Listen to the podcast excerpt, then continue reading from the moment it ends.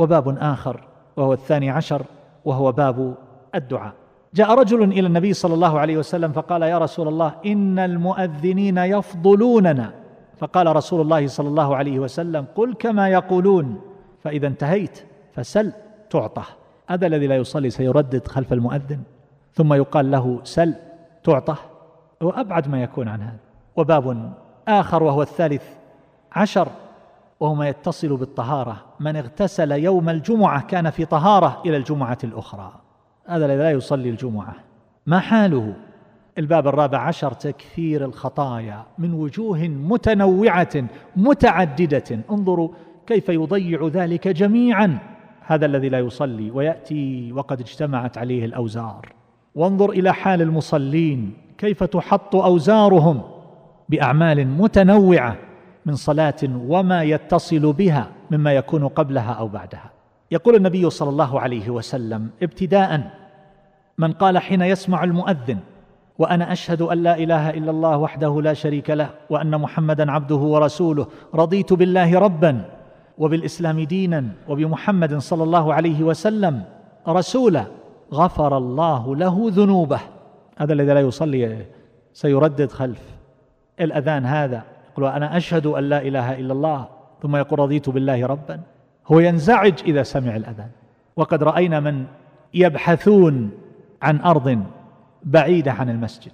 إذا أراد أن يشتري أرضا يبحث عن مكان بعيد عن المسجد. ومن العيوب عند هؤلاء أن تكون قريبة من المسجد. فهو لا يريد أن يسمع الأذان.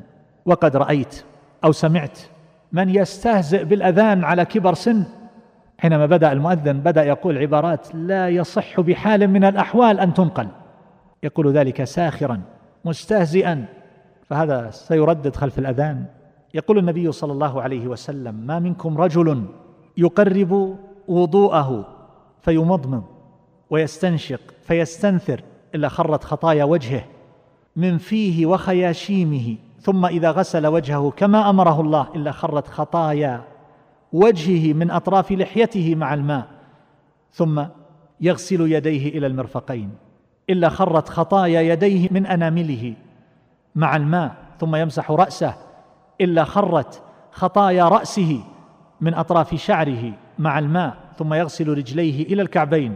إلا خرت خطايا رجليه من أنامله مع الماء فإن هو قام وصلى فحمد الله تعالى وأثنى عليه ومجده بالذي هو له أهل. وفرغ قلبه لله تعالى إلا انصرف من خطيئته كهيئته يوم ولدته أمه. انظر هذه الطهارة لكل عضو تغسل الخطايا. ثم إذا قام فصلى ركعتين بهذه الصفة يرجع من خطيئته كهيئته يوم ولدته أمه الذي لا يصلي. كم فاته؟ محال ذنوبه وهو لا يتوضأ أصلا فلا يوجد ما يغسلها فلا تخرج خطايا العين والأذن وخطايا الوجه واليد والرجل والرأس.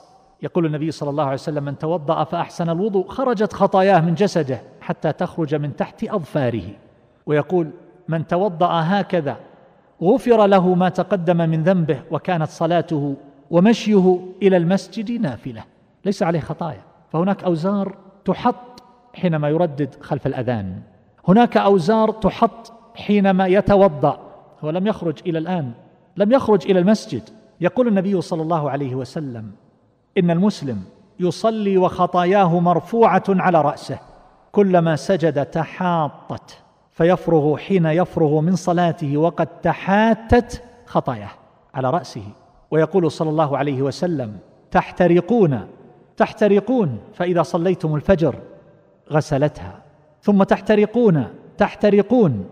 فإذا صليتم الظهر غسلتها ثم تحترقون تحترقون فإذا صليتم العصر غسلتها ثم تحترقون تحترقون فإذا صليتم المغرب غسلتها ثم تحترقون تحترقون فإذا صليتم العشاء غسلتها ثم تنامون فلا يكتب عليكم حتى تستيقظوا. غسيل خمس مرات بهذه الصلاة. غسل بالطهارة وغسل بهذه الصلاة فهذه الذنوب تحرقنا أيها الأحبة. هي نيران كما قال النبي صلى الله عليه وسلم وكل ذلك مما صح عنه عليه الصلاة والسلام. يبعث مناد عند حضرة كل صلاة فيقول يا بني آدم قوموا فأطفئوا ما أوقدتم على أنفسكم. فيقومون فيتطهرون ويصلون الظهر فيغفر لهم ما بينهما. فإذا حضرت العصر فمثل ذلك فإذا حضرت المغرب فمثل ذلك فإذا حضرت العتمة فمثل ذلك فينامون. فمدلج في خير ومدلج في شر. وهكذا. في قوله صلى الله عليه وسلم من توضأ وضوئي هذا ثم قام يصلي صلاة الظهر غفر له ما كان بينها وبين الصبح. ثم صلى العصر غفر له ما كان بينها وبين الظهر. ثم صلى المغرب غفر له ما كان بينها وبين العصر ثم صلى العشاء غفر له ما كان بينها وبين المغرب ثم لعله يبيت يتمرغ ليلته ثم إن قام فتوضأ فصلى الصبح غفر له ما بينها وبين صلاة العشاء. وهن الحسنات يذهبن السيئات. تغسل خطاياه بهذه الطريقة الذي لا يصلي. أين تذهب خطاياه؟ ما حالها وما حاله معها.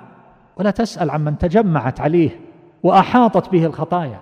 فالله عز وجل يقول لنبيه صلى الله عليه وسلم ألم نشرح لك صدرك؟ ووضعنا عنك وزرك الذي أنقض ظهرك ورفعنا لك ذكرك. هذه الأمور الثلاثة كما يقول الحافظ ابن القيم رحمه الله متلازمة. شرح الصدر لا يحصل إلا مع حط الوزر ولا تحصل رفعة الذكر إلا مع حط الأوزار فلا انشراح ولا رفعة مع الأوزار فهذا الذي لا يصلي. تجتمع عليه الأوزار فهو أضيق الناس صدرا. شعر بضيق لربما يبكي يغلق عليه باب الغرفة كما نسمع من بعضهم أحيانا. ويبكي ليلا طويلا من حسرات يجدها في نفسه.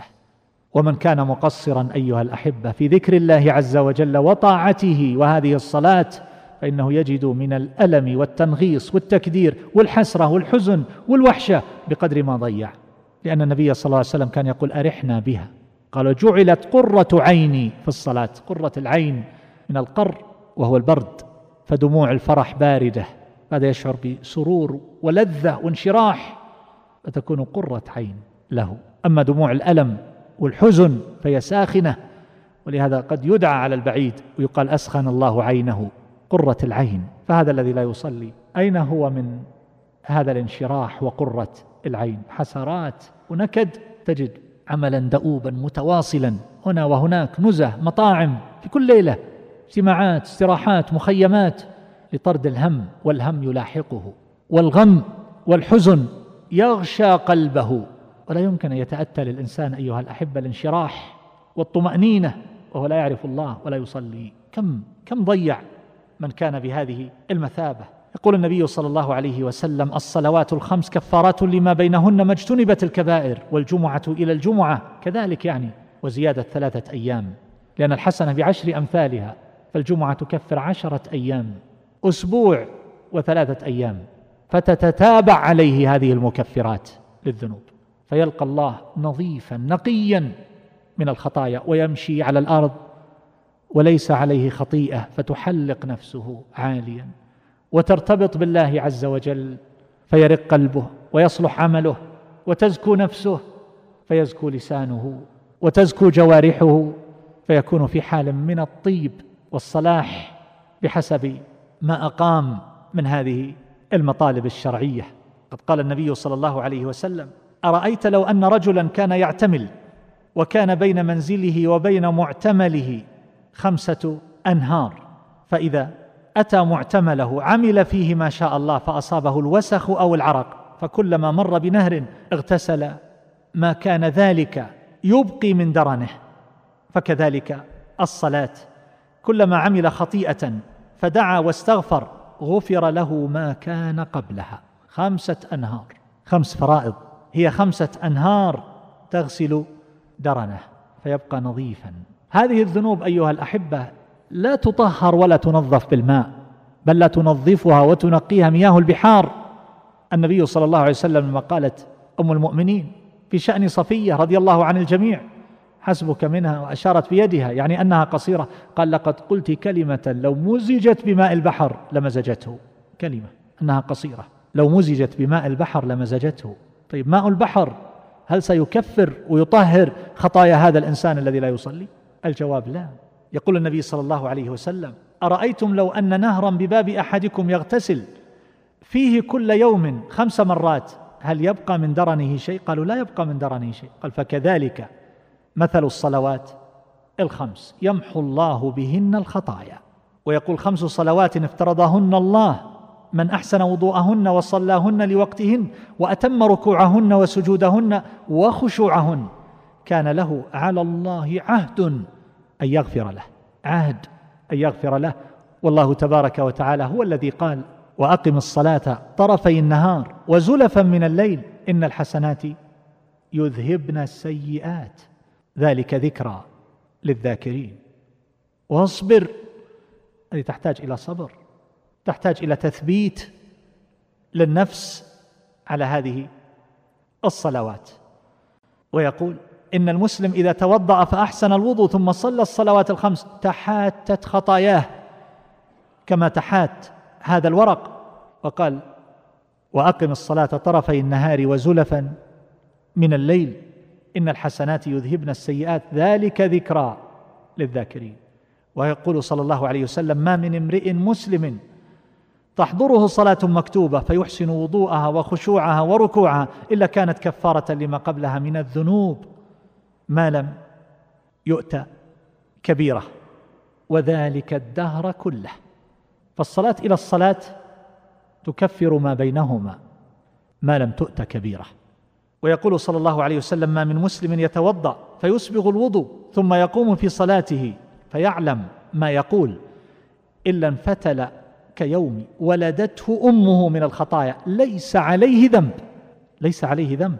فهنا جاء ذلك مقيدا. بهذا القيد فيعلم ما يقول. يسبغ الوضوء ثم يقوم يصلي فيعلم ما يقول. ويقول من توضأ كما أمر وصلى كما أمر غفر له ما قدم من عمل. ويقول من توضأ فأسبغ الوضوء ثم خرج يمشي إلى الصلاة المكتوبة فصلاها مع الإمام غفر له ذنبه. ويقول من توضأ فأحسن الوضوء ثم صلى ركعتين لا يسهو فيهما غفر له ما تقدم من ذنبه. ويقول صلى الله عليه وسلم ما من رجل يذنب ذنبا ثم يقوم فيتطهر ثم يصلي ثم يستغفر الله إلا غفر الله له. ثم قرأ هذه الآية والذين إذا فعلوا فاحشة أو ظلموا أنفسهم ذكروا الله فاستغفروا لذنوبهم. ويقول من توضأ مثل وضوء هذا ثم أتى المسجد فركع ركعتين ثم جلس غفر له ما تقدم من ذنبه. ويقول إسباغ الوضوء في المكاره وإعمال الأقدام إلى المساجد وانتظار الصلاة بعد الصلاة. يغسل الخطايا غسلا.